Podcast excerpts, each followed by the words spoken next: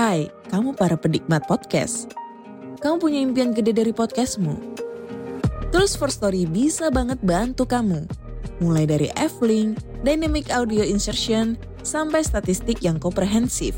Semua ada di First Story. Gak ketinggalan kamu bisa monetisasi podcastmu lewat iklan dari First Story Ads yang bisa kasih kamu penghasilan dari setiap place podcastmu. Yuk gabung sekarang dengan klik di firststory.me. Sekali lagi, klik di firststory.me. Mari kita bawa mimpi podcastingmu menjadi kenyataan. Hello? Hello?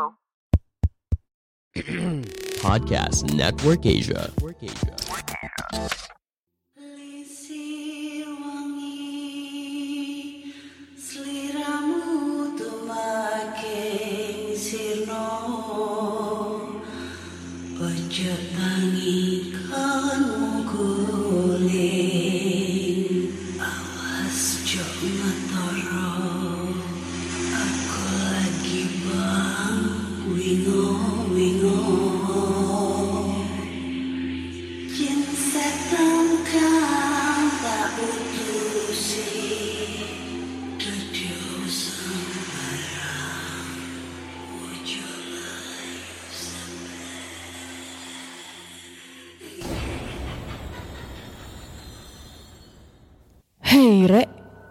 ya apa kabar Ketemu lagi dengan aku si Ana di podcast kisah horor.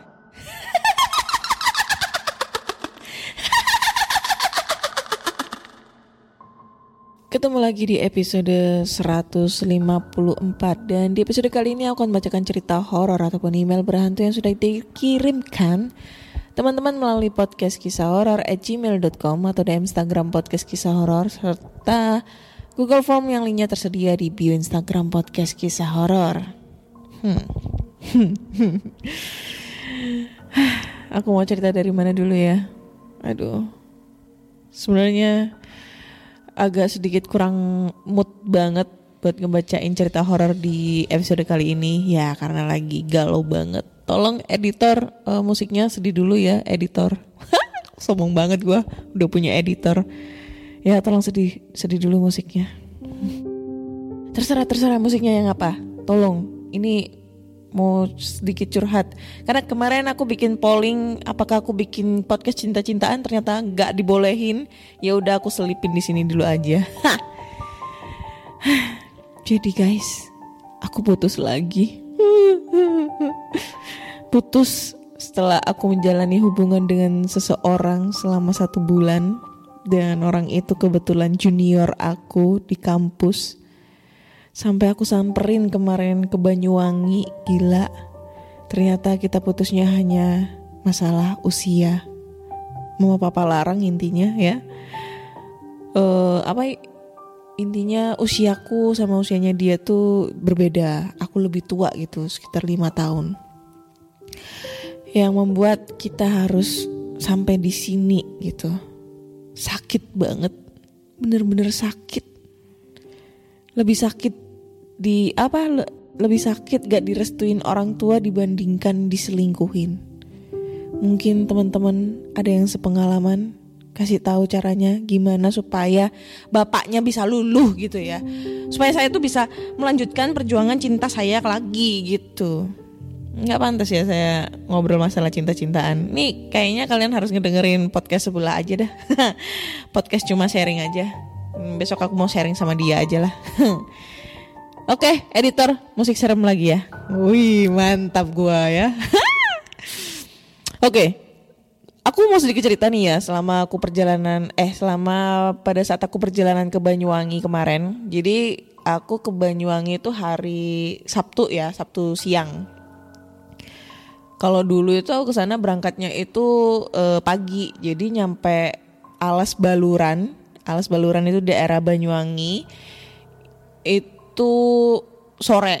Nah, pas waktu kemarin itu kebetulan nyampe di Alas Baluran itu sekitar jam 7 jam tujuan jam 7 malam ya. Nah itu sempat aku storyin di eh, IG podcast ya di IG podcast kisah horor. Sebenarnya sih nggak ada masalah apa-apa ya, eh, nggak ada hal yang aneh di situ. Cuma waktu itu kayaknya nggak ke record deh waktu aku story itu. Jadi kalau kalian kemarin sempat ngeliat story aku di sana itu eh, situasinya gelap banget, nggak ada penerangan karena emang itu hutan ya. Jadi nggak ada penerangan sama sekali, cuma penerangannya dari lampu lampu kendaraan sama sinar bulan. Terus di situ juga jarang banget pada jam-jam segitu tuh eh, kendaraan lewat. Ya mungkin eh, bisa dihitung dengan jari lah. Nah, pas sepanjang perjalanan, pas aku lagi storyin tuh ya situasi alas baluran itu gelapnya kayak gimana. Nah, gua gak sengaja itu ngeliat di sisi kiri itu di pinggir jalan ada orang itu lagi kayak modelnya merangkak jadi apa ya kakinya itu kakinya itu tegak tapi badannya itu membungkuk. Ini serius gue nggak bohong. Gue nggak tahu itu orang beneran atau emang makhluk jadi-jadian. Gue nggak tahu. Jadi ada posisinya orang eh, dia itu kakinya itu tegak tapi posisinya badannya membungkuk ya kayak jalan merangkak gitu Eh, pakai pakai tangan cuma pakai celana kolor hitam nggak pakai baju nah itu jalan cuy. Itu itu nggak sengaja aku liatnya. Nah ku pikir itu orang gitu. Nah niatnya kan aku mau puter balik tuh.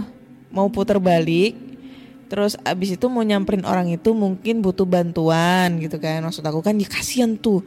Kalau kalian tahu ya alas baluran itu kalau sepanjang jalan kita ngelewatin itu bisa sampai eh 20 kiloan sedangkan itu gua ngelihatnya itu pas di perteng nggak sampai pertengahan.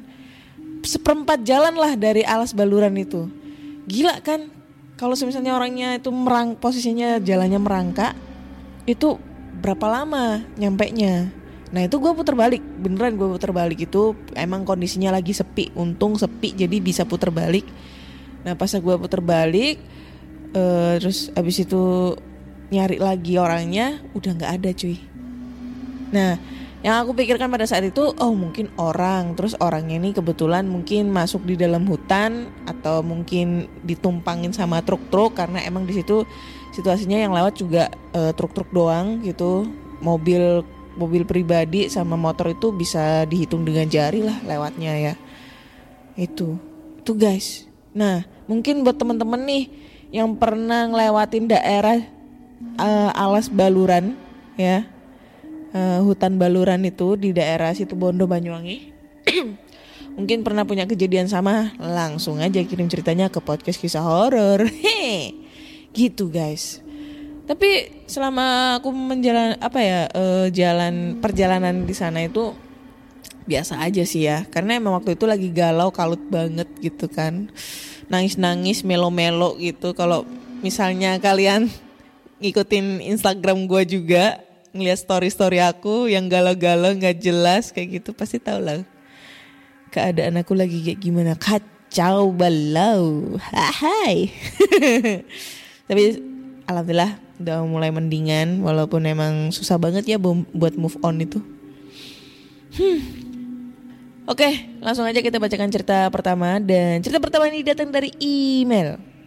Nah, ini dari Kak Cumen lagi ya. Ini udah kesekian kalinya Kak Cumen nih kirim cerita. Harus dikasih apresiasi nih. Ntar lah gue kasih apresiasi buat Bang Cumen ya. Hai. Judulnya adalah Mataku dikendalikan oleh jin. Jin dan Jun. Kamu lagi mau mengembangkan podcast kamu, tapi bingung caranya bagaimana? Mulai dari sisi performance-nya, menentukan rate konten kamu, sampai bagaimana cara memonetisasinya. Nah, coba deh cek Podmetrics. Podmetrics adalah platform yang bisa membantu kamu untuk lebih mudah melihat performa konten podcastmu. Lalu melalui Podmetrics, kamu juga bisa menentukan rate podcastmu melalui data yang tersedia. Serta bisa juga memonetisasi kontenmu dengan champion-champion dari brand yang cocok dengan podcastmu. Bahkan, Podmetrics juga bisa membantumu untuk mendapatkan inspirasi dalam membuat iklan pada podcastmu dengan contoh iklan yang sudah tersedia. Nggak ketinggalan juga, Sekarang Podmetrics juga ada fitur Pod Earnings dengan berbagai metode pembayaran. Sehingga memudahkan kamu untuk mendapatkan penghasilan dari Podmetrics. Jadi, kalau kamu seorang podcaster, pastikan kamu mendaftar Podmetrics dengan memakai Podmetrics referralku. Klik langsung aja podlink yang ada di deskripsi box dalam episode ini. Assalamualaikum Kak Ana. Sehat? Alhamdulillah kalau sehat. Di malam ini saya cuman project. Sebenarnya aku tak mau menceritakan kisah ini. Bagiku menceritakannya sama saja mengulang lagi setiap detail pengalamanku di rumah itu. Dan kau tahu, itu bukanlah pengalaman yang menyenangkan untuk diingat. Tapi baiklah, kali ini aku akan menceritakannya. Dan cukup sekali ini aku melakukannya dan kuharap ini untuk yang terakhir kali aku menceritakan cerita ini. Begini ceritanya. Ketika aku baru saja menjadi mahasiswa di kota Jakarta, seperti kebanyakan mahasiswa rantau lainnya, aku juga mencari-cari tempat kos yang kira-kira di dekat kampus. Karena belum punya teman dan rumah saudara, lebih tepatnya rumah om saya di sini masih dalam masa renovasi. Jadi aku mencari tempat kos sendiri untuk sementara. Selesai menyelesaikan semua urusan pendaftaran di kampus tempat aku diterima, aku langsung keluar kampus untuk mencari tempat kos. Untung aku datang lebih awal dan saat loket pendaftaran dibuka, aku menjadi antrian pertama. Akhirnya aku bisa menyelesaikan semua urusan pendaftaranku lebih awal. Kira-kira pukul 11 aku sudah keluar kampus. Setiba di luar gerbang, aku merasa sangat bingung. Aku benar-benar tak tahu tentang kota Jakarta ini. Dan aku juga tak punya siapa-siapa yang ku kenal di sini. Malah dalam pikiranku seandainya sampai malam nanti aku masih belum menemukan tempat kos, aku akan menginap di kampus saja. Tapi pikiran itu segera ku tepis. Aku menghembuskan nafas kuat-kuat dan bertekad dalam hati kalau aku pasti bisa menemukan tempat kos sebelum senja. Kemudian aku mulai bertanya-tanya pada mahasiswa-mahasiswa yang tampak senior dan sedang berkeliaran di luar kampus tentang di daerah-daerah mana saja yang terdapat banyak tempat kos. Aku juga bertanya pada penjual-penjual kaki lima yang bertebaran di sekitar gerbang kampus dan untungnya mereka dengan ramah menunjukkannya. Setelah sekian informasi dan kurasa cukup, aku mulai berjalan sambil menyandang tas ranselku yang sangat padat dan berat. Aku menyisiri trotoar di sepanjang jalan menuju ke daerah yang ditunjukkan oleh orang-orang yang kutanya tadi. Aku mulai dari rumah pertama, dan sepertinya yang tak terlalu kuharapkan. Pemilik kosnya bilang penuh. Aku melanjutkan ke rumah berikutnya, dan sayangnya selalu saja aku dapatkan penuh. Aku mulai digerogoti rasa pesimis bahwa untuk rumah berikutnya pasti akan kudapatkan hal yang sama. Aku mulai kehilangan harapan mendapatkan tempat kos sebelum senja. Tapi saat itu hari udah menunjukkan pukul setengah dua siang dan perutku mulai keroncongan. Aku memutuskan beristirahat sejenak di sebuah warung kecil yang menjual nasi dengan lauk dan sambal rumahan seadanya. Ibu pemilik warung itu gemuk dan wajahnya sangat ramah. Ketika aku memasuki warungnya, dia menyambutku dengan hangat sambil mempersilakanku duduk layaknya anaknya sendiri. Aku merasa canggung sekaligus senang diperlakukan begitu. Tapi ibu itu tampak sudah biasa dengan mahasiswa-mahasiswa seperti aku, yang kelelahan, lapar, dan jauh dari keluarga. Dia mengambilkanku sepiring nasi lengkap dengan lauk dan sayurnya. Melihat gunungan nasi komplit di piring itu, aku agak cemas akan membayar banyak. Tapi aku benar-benar sangat lapar dan lelah. Perasaanku terjabik antara lapar dan kondisi saku. Setelah pendaftaran tadi, semua uang yang dititipkan orang tuaku nyaris habis dan yang tersisa hanya untuk biaya kos dan beberapa kali makan. Dan orang tuaku baru bisa mengirimkan uang seminggu lagi. Tapi ibu itu seakan tahu kekhawatiranku dan dia langsung bilang sambil tersenyum bijak. Gak apa-apa nak, sekali ini gratis. Mendengar itu senyumku pun langsung cerah. Sambil makan, ibu pemilik warung itu menghujaniku dengan pertanyaan-pertanyaannya. Mulai dari daerah asalku, alasan kuliah di sini, sampai cerita tentang pengalaman ibu itu pernah merantau di daerah asalku selama beberapa tahun dan akhirnya kembali ke sini. Karena sangat lapar dan menghabiskan makananku dengan lahap, aku tak terlalu mendengarkan ibu itu bercerita. Tapi tampaknya ibu itu hanya senang bercerita meski tak seorang pun antusias mendengarkannya. Setelah selesai makan, sesaat sebelum aku pamit dan mengucapkan terima kasih, aku menyempatkan diri bertanya pada ibu itu tentang tempat kos yang masih tersedia di sekitar sini. Sekilas aku menangkap ada keraguan di wajahnya. Tapi kemudian ibu itu berkata, "Kalau di sini selalu penuh, tapi mungkin yang di sebelah sana ada." Ibu itu menunjukkan sebuah jalan lagi sekitar 100 meter dari seberang warungnya. Masih banyak yang kosong, soalnya sebagian mahasiswa lebih suka kos di daerah sini. Aku heran, memang kenapa bu? Apa di sebelah sana lebih mahal? Oh, nggak juga. Jawab ibu itu nyaris memotong pertanyaanku. Malah banyak yang murah. Hanya saja mungkin Ibu itu tak meneruskan perkataannya lagi dan berubah menjadi kaku. Ibu sarankan kalau bisa kamu cari kos jangan di sana. Dalam benakku, aku sudah terlanjur menggarisbawahi kata-kata malah banyak yang murah. Hingga aku jadi tidak begitu memperdulikan perubahan aneh sikap ibu tentang daerah yang ditunjukkannya itu. Dan segera saja aku meluncur ke sana. Aku sampai di gerbang masuk jalan itu. Kuat dugaanku daerah ini pasti sebuah komplek perumahan tua. Terbukti dari gaya bangunannya. Selain itu, tanaman yang tumbuh di seberang tampak jelas menandakannya. Aku juga mendapati di kiri kanan jalan pohon-pohon tumbuh subur dan besar-besar. Tentu saja butuh waktu berpuluh tahun untuk membiarkan pohon tumbuh besar itu.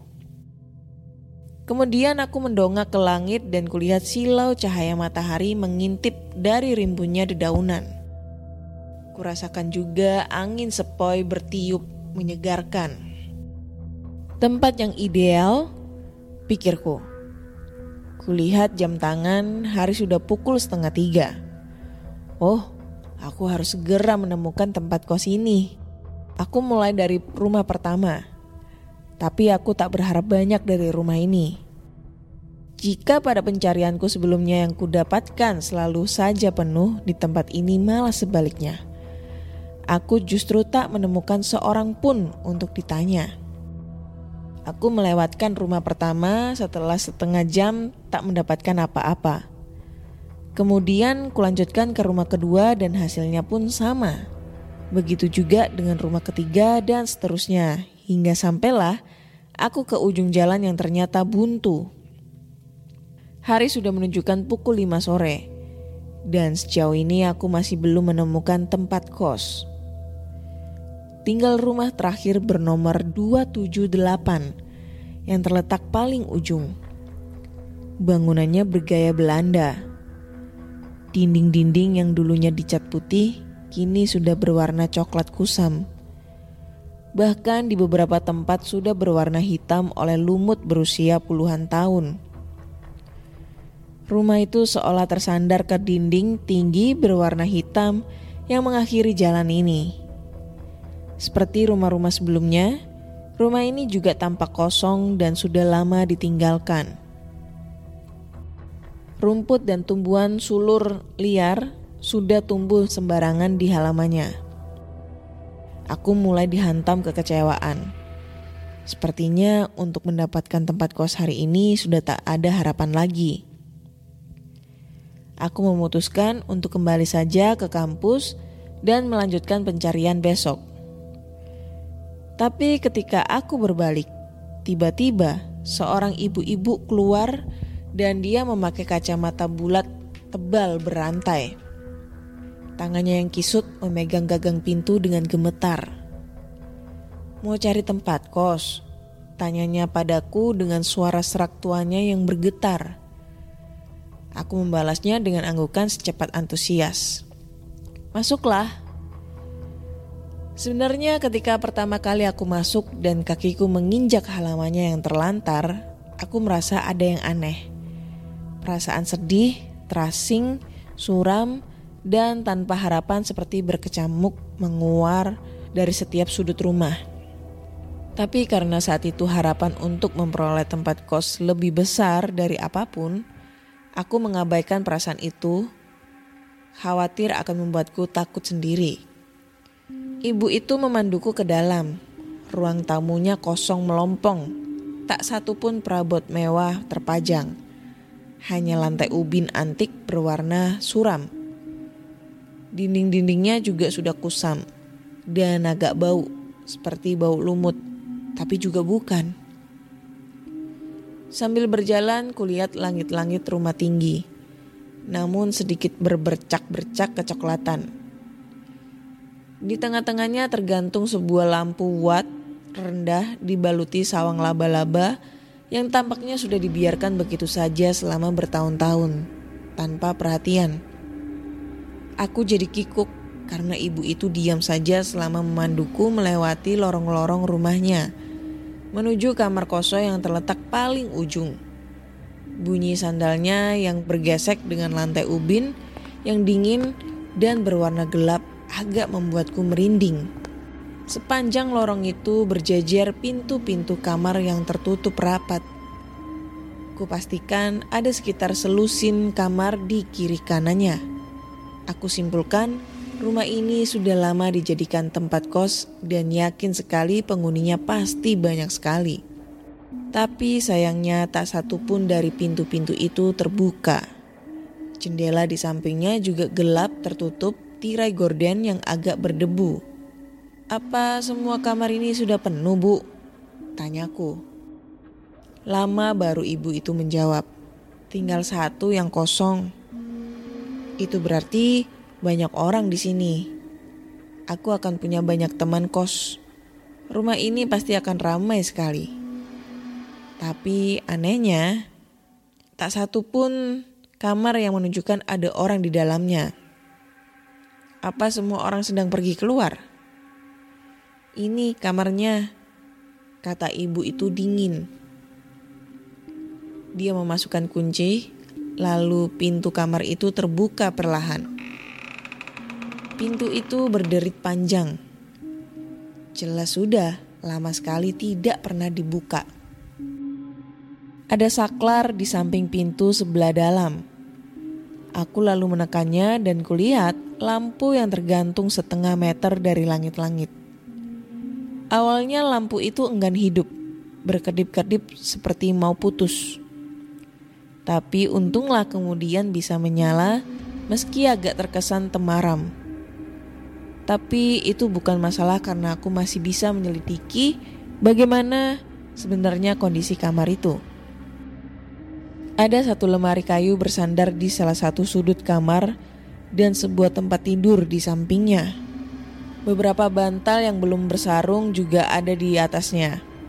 Menumpuk membentuk gunungan bantal dan aku sama sekali tak berharap bantal itu akan jadi milikku. Karena kelihatannya sudah lama tak terpakai dan diselimuti debu tebal. Namun yang paling penting bagiku adalah tempat colokan listrik. Setelah aku pastikan ada, ternyata terletak tepat di samping jendela. Aku keluar menghampiri ibu itu, saatnya bernegosiasi soal harga sewa kamar.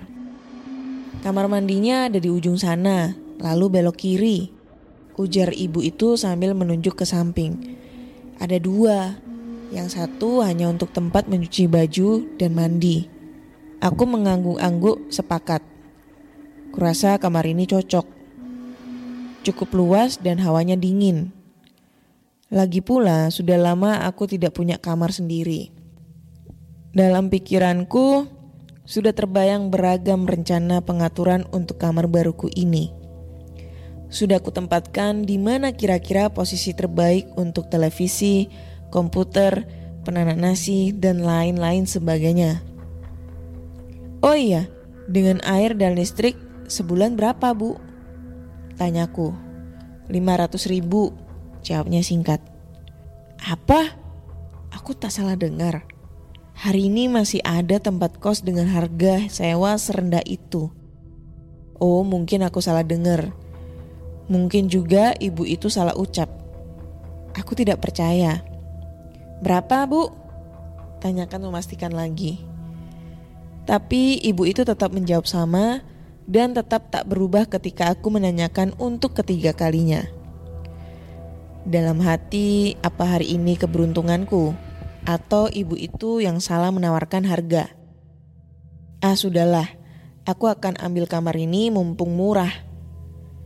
Setelah sepakat dan menerima sejumlah uang dariku, ibu itu menyerahkan kunci kamarnya.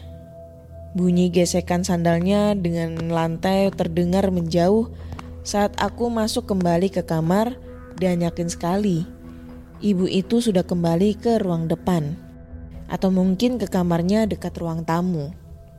Karena barang-barangku tak banyak, hanya satu tas ransel saja, aku tidak perlu lama menata kamar. Aku cukup membersihkannya dulu, lalu membeli barang-barang yang kira-kira sangat kuperlukan saat ini. Meski suka berkedip-kedip setiap kali dihidupkan, sebenarnya lampu kamarku masih baik-baik aja. Tapi aku tak suka temaramnya. Cahayanya membuat kamarku suram. Aku juga segan minta lampu pengganti. Bayar cuma 500 ribu, aku malah minta lebih. Ah, lebih baik ku beli saja nanti. Seharian berjalan membuat kaki luar biasa pegal. Ditambah membersihkan kamar, mengepel lantainya, dan mengelap bagian-bagian yang berdebu lalu menggeser-geser letak lemari kayu dan tempat tidur. Sempurna pff, sempurna sudah menemuk eh meremukkan tubuhku. Kebetulan ibuku menitipkan alas kasur dan beberapa sarung bantal di ranselku. Jadi aku tak perlu memintanya lagi ke ibu tua itu.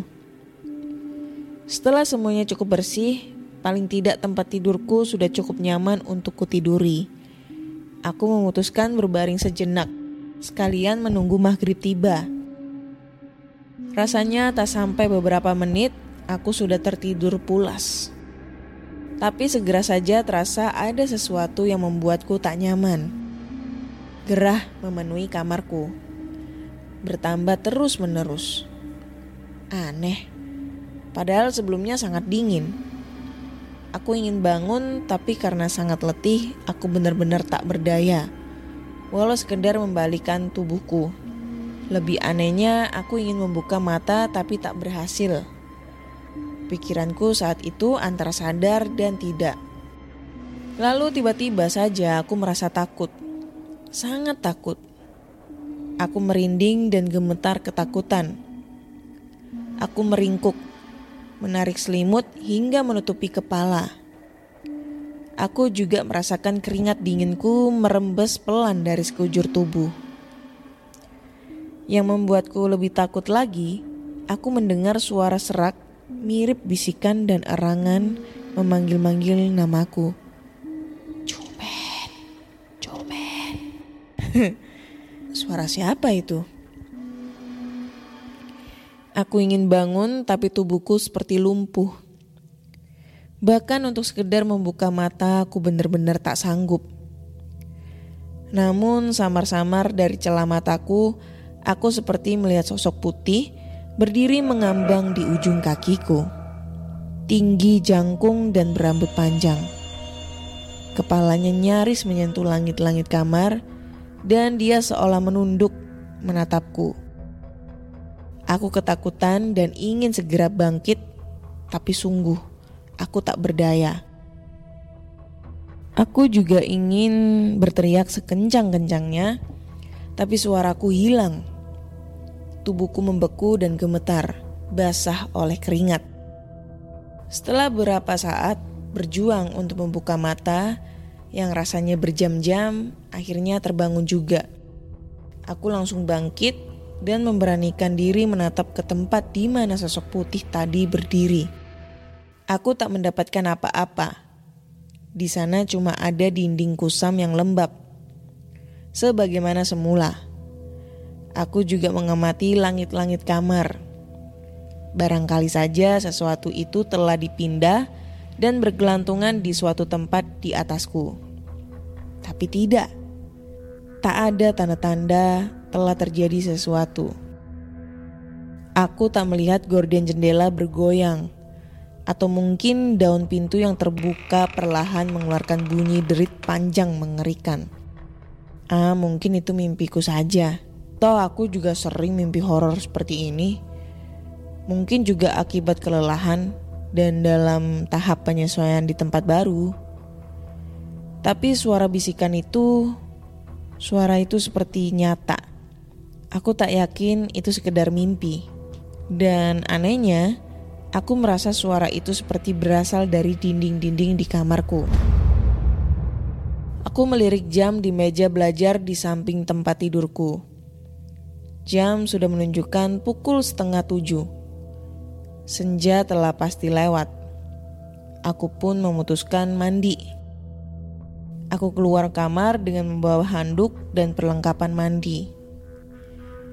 Ketika aku menoleh ke ujung lorong, aku melihat sekelebat bayangan putih menghilang ke tikungan kamar mandi. Aku hanya sempat melihat ujung kain putihnya saja. Sesaat darahku berdesir. Apa itu? Ah, mungkin itu teman kosku yang mau mandi juga. Aku meneruskan langkahku menyusuri lorong panjang menuju kamar mandi sambil berharap-harap dalam hati paling tidak ada salah satu kamar yang terang. Menandakan ada penghuninya. Tapi perasaanku kian ciut ketika aku telah sampai ke ujung lorong dan tinggal berbelok ke kamar mandi. Tak satu pun kamar yang hidup lampunya. Semuanya mati. Satu-satunya penerang di lorong itu hanyalah lampu kuning watt rendah yang tergantung tepat di tengah-tengah. Alih-alih membuat terang, efek temaram yang dihasilkannya malah mendukung suasana horor yang menegakkan bulu kuduk. Lalu sosok yang ke kamar mandi itu apa? Aku memberanikan diri berbelok ke kamar mandi. Di depanku terdapat dua kamar mandi, yang satu terbuka dan yang satu lagi tertutup. Dari celah di bawahnya aku tahu lampu di kamar mandi itu tidak menyala. Tapi anehnya, aku mendengar suara siraman dan percikan air begitu gaduh. Kurasa seseorang di dalam itu sedang mandi habis-habisan. Dalam hati aku berujar lega. Untung ada orang. Kukira aku sendirian saja di tempat kos ini. Senang dengan perasaan itu, aku langsung masuk ke kamar mandi di sebelahnya setelah menekan saklar lampu di samping pintu. Ya, lagi-lagi lampu kuning. Aku nggak suka lampu kuning. Suram. Sabun putihku jadi berwarna kuning kusam. Aku sudah sampai pada setengah dari acara mandiku ketika kusadari siraman-siraman air di sebelah kamar mandiku sudah tak terdengar lagi. Aku berpikiran mungkin dia sudah selesai.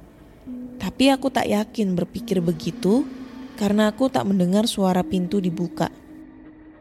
Seharusnya aku mendengar karena aku tahu pintu kamar mandi itu sudah cukup tua dan berbunyi saat dibuka. Saat kukira dia benar-benar sudah keluar dari kamar mandi sebelah, tiba-tiba aku dikagetkan oleh bunyi sesuatu yang besar dan berat jatuh berdebam diiringi bunyi benturan ke benda keras. Pikiran burukku langsung menyergap. Siapa pun itu yang di sebelah, sepertinya baru saja terjatuh dan mungkin kepalanya terbentur ke sudut bak. Lalu pingsan. Aku berharap itu tak terjadi. Tergesa aku membersihkan dan membilas tubuhku. Setelah semuanya beres, aku keluar dan langsung menggedor pintu kamar mandi sebelah. Kamu tidak apa-apa? Tanyaku cemas. Aku terus menggedor pintu. Setelah beberapa kali bertanya dan tetap tidak ada jawaban, aku benar-benar dilanda panik. Kurasa siapa pun di dalam tampaknya benar-benar tak sadarkan diri. Mungkin kepalanya bocor atau tulang-tulangnya patah. Dan darah membasahi lantai kamar mandi. Dalam pikiranku langsung terbayang genangan darah kental.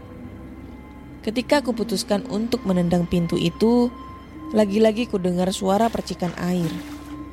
Aku mengurungkan niatku. Hei, kamu bener tak apa-apa? Aku masih menunggu, tapi tetap tak ada jawaban. Suara percikan air itu malah terdengar sangat biasa, seolah sebelumnya tak terjadi apa-apa. Aku mulai kesal. Ini keterlaluan pikirku. Aku sudah setengah mati mengkhawatirkannya, dia malah terus saja menggayung air. Jawab sedikit dong, rutukku. Rutukku tuh apa sih? Kalau terjadi apa-apa, gimana coba? Masih nggak ada jawaban. Tapi suara percikan air, air itu kini sudah mulai berkurang dan beberapa menit kemudian berhenti total. Tak ada lagi suara. Hening menyelubungi udara di sekitarku. Kurasa dia sudah selesai dan mau keluar. Aku menunggu hampir seperempat jam dan mulai merasa bosan. Tapi dia malah tak kunjung keluar. Pintu kamar mandi itu tak bergeming sedikit pun. Aku mulai curiga. Jangan-jangan dia memang terjatuh dan pingsan lagi. Kurasa sekarang bukan waktunya main-main lagi. Aku benar-benar kesal bercampur cemas. Aku bangkit dari sandaranku dan menuju kamar mandi itu. Namun baru saja berjalan beberapa langkah, aku mendadak berhenti. Kulihat pintu itu terbuka sendiri, seolah seseorang baru saja berhasil membuka kuncinya. Aku menahan nafas menunggu seseorang menguaknya, tapi pintu itu hanya bergoyang sedikit memperlihatkan celah gelap di dalamnya. Buh, kebayang banget kayak di film horor.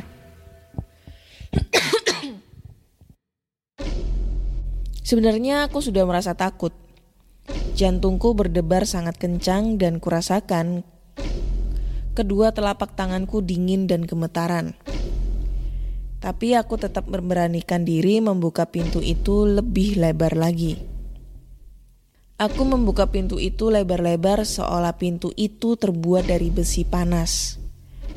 Karena gelap, aku melongok ke dalam. Samar-samar ku amati semua sudut kamar mandi itu. Dan malangnya, aku tak menemukan siapa pun. Ini sungguh menyebalkan. Apa kos ini berhantu? Aku setengah berlari kembali ke kamarku di ujung lorong. Aku tak bisa meredam ketakutanku. Bulu kuduku semuanya berdiri. Suasana dingin mendadak mencekam. Sepanjang lorong itu, aku sempat memperhatikan satu persatu kamar yang berderet di kiri kanan lorong. Sungguh, aku berharap tak sendirian saat ini. Aku ingin paling tidak ada seseorang berada di kamarnya, siapa pun itu. Tapi semua orang seperti pulang kampung saja. Semua kamar itu tertutup rapat dan lampunya mati. Tak ada tanda-tanda ada orang di dalamnya. Aku sangat ketakutan hingga butuh seperempat jam untuk membuka pintu kamarku sendiri. Kunci di tanganku licin oleh keringat dan sudah tujuh kali jatuh. Parahnya, sekarang lampu kuning suram sialan di tengah lorong itu yang mendadak mati. Dan satu-satunya sumber penerangan hanya dari kamarku. Pintu kamarku terbuka dan aku tergesa masuk. Setelah merasa agak tenang, aku mengunci pintu kamarku dua kali. Aku memutuskan mendekam saja di kamar sampai besok pagi. Aku juga berencana akan pindah besok tempat kos ini benar-benar tak nyaman, aku telah salah memilih tempat ini.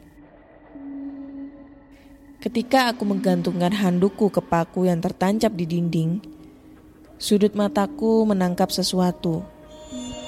Dan anehnya sebelum aku benar-benar melihat, pikiranku langsung membawaku pada sosok putih horor dalam mimpiku tadi sore. Sekarang ketakutan dan kepanikan benar-benar menguasaiku. Aku lemas. Aku tak punya keberanian menoleh dan memastikan apakah memang sosok itu yang sedang menatapku dari seberang kamar. Kedua lututku lunglai, kakiku mati rasa, dan parahnya aku kembali mendengar suara bisikan persis seperti yang kudengar dalam mimpiku itu. Dan kini sedang memanggil-manggil namaku dengan jahat. Suara itu begitu dingin dan penuh dendam. Aku tak sanggup mendengarnya lebih lama lagi. Ini akan membuatku gila ketakutan. Aku langsung memutar kunci lagi dan menghempaskan tak peduli pintu kamar di belakangku. Sudut mataku menangkap sekilas sosok putih itu benar-benar berdiri, mengambang di sudut kamarku. Dan kini seakan melayang pelan menuju ke arahku. Aku tak sanggup membayangkan sosok itu akan melakukan apa padaku saat jarak kami hanya beberapa senti.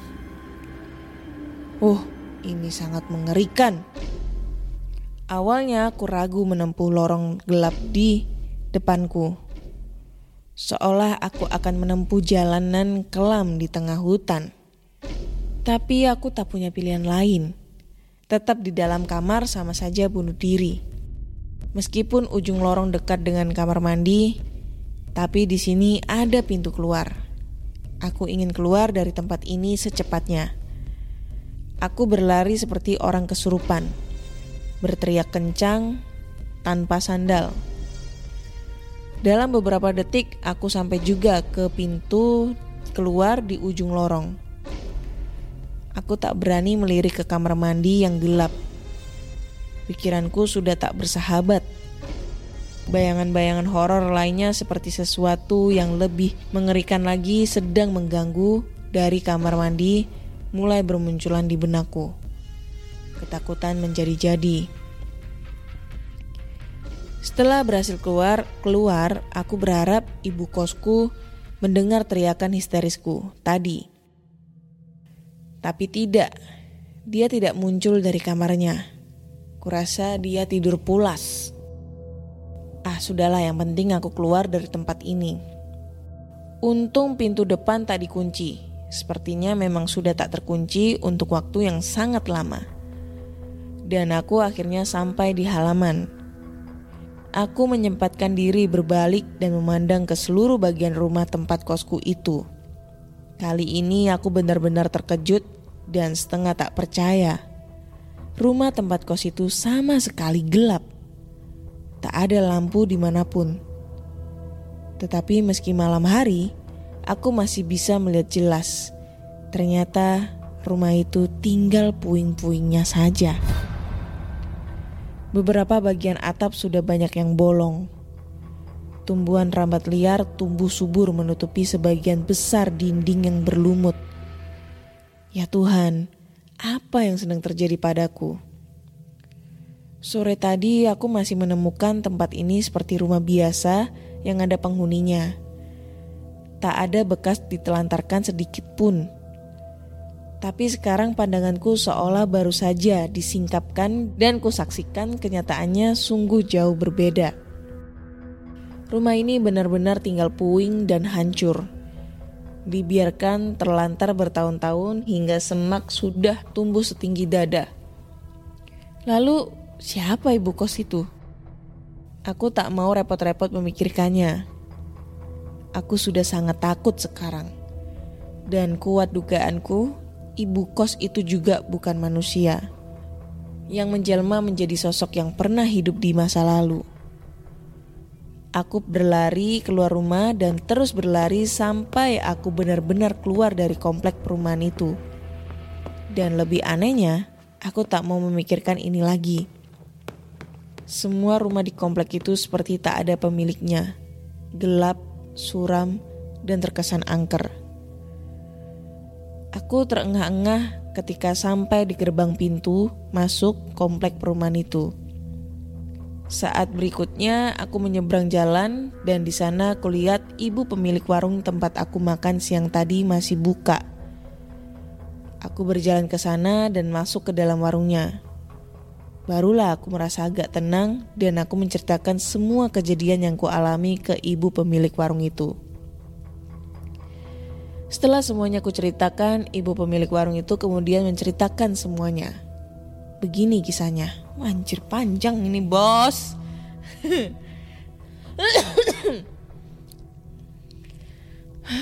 Tadi dulu, tarik nafas. 20 tahun silam, sebuah rumah paling ujung bernomor 278 mengalami kejadian tragis. Awalnya seorang mahasiswa mati bunuh diri di kamar mandi dengan cara gantung diri. Semua teman kosnya berpendapat dia berhalusinasi dan tertekan karena dihantui oleh penampakan hantu wanita di kamarnya. Ada dugaan hantu wanita itu adalah anak ibu kos yang mati dikurung di kamarnya karena gila. Tapi beberapa tahun setelahnya rumah itu terbakar dan menewaskan ibu kos itu sendiri, termasuk beberapa anak kos yang terperangkap di kamarnya. Menurut polisi, kebakaran itu jelas disengaja. Mendengar rangkaian cerita tragis mengerikan itu, aku semakin gemetar ketakutan. Aku tak sanggup membayangkan bagaimana kalau diriku tinggal di sana lebih lama lagi. Barangkali aku akan menjadi salah satu penghuni abadi yang bergentayangan. Setelah ibu itu menceritakan semuanya, ibu itu juga meminta tolong kepada suaminya untuk mengantarkan aku ke kosan itu dan mengambil barang-barangku. Dan si bapak juga menyuruhku untuk tidur di warung nasinya saja untuk semalam. Dan dia juga akan mengantarkan mencari kosan baru untuk aku dan anehnya lagi, Uang 500 ribu yang sudah kubayarkan itu ada di dalam tasku. Dipikir-pikir juga hantu itu baik mengembalikan uangku yang sudah kuberikan untuk membayar kamar kos. Besok hari sudah menyambutku dengan begitu sehat.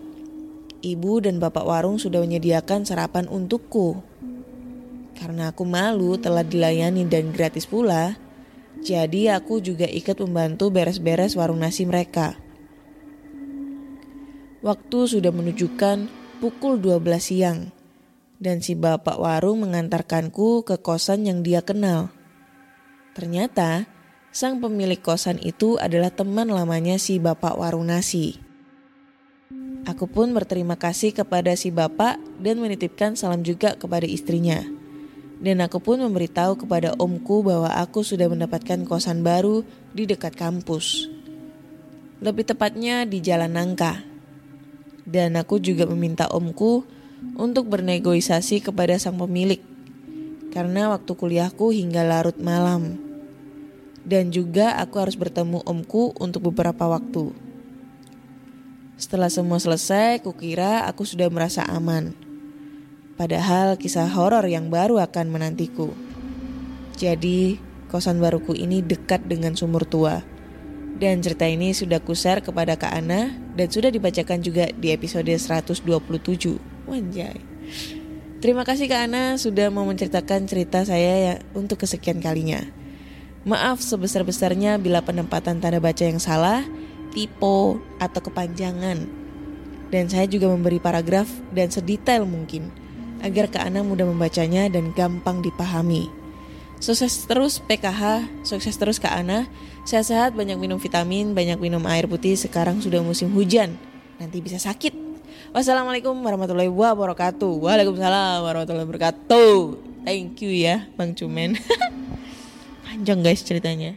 Satu episode ini ya, sampai sekitar ya eh, ini udah menit ke 50 berarti sekitar 40 menitan lah ya ceritanya dia ya. By the way anyway Baswe, ini ceritanya sebenarnya bagus banget. Penempatan kalimat-kalimatnya juga bagus, seakan-akan kayak aku ngebaca novel ya. Jadinya agak bukan bukan ragu ya. Maksudnya dalam arti ini ceritanya beneran atau fiktif gitu ya. Kalau misalnya ini beneran, ini keren banget. Abis itu Bang Cumen ini juga eh, untuk membuat suatu cerita itu bagus banget berasa kayak kita baca novel terus berasa kita kayak berada di tempat tersebut ya kayak nonton film gitu bener nggak sih nah kalau aku saran nih bang Cumen nih ya saran ya ini mending bang Cumen masukin di Wattpad deh atau mungkin dibikin novel judulnya adalah pengalaman-pengalaman horor sepanjang masa itu kayaknya keren tuh Soalnya kan Bang Cumen kan kirim cerita ke ke PKH ini kan gak sekali dua kali. Ada kali 10 ka, 10 cerita atau lebih ya kan. Termasuk cerita sang istri juga. Nah, kalau misalnya dimasukin di Atau mungkin dibikin novel, nah bisa jadi novelnya nanti bisa diangkat jadi cerita horor nih.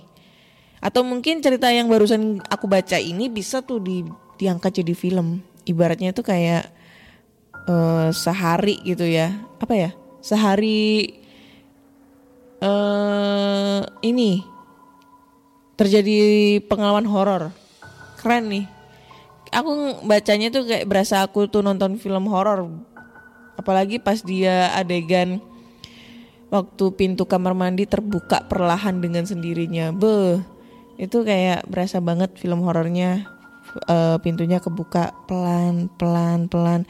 Dari sisi dalam sama dari sisi luar Bang Cumen itu beh, terlihat sisi gelapnya di dalam kamar mandi tiba-tiba bah! Jump scare bro keren. Oke, thank you semua buat teman-teman semua yang udah ngedengerin podcast kisah horor sampai detik ini. So, buat teman-teman nih, kalau kalian punya pengalaman horor nih kayak Bang Cumen nih, banyak banget nih pengalaman horornya. Kalian bisa langsung aja kirim ceritanya ke podcast kisah gmail.com atau di Instagram podcast kisah horor serta Google Form yang linknya tersedia di bio Instagram podcast kisah horor. Terus jangan lupa eh, bintang limanya ya.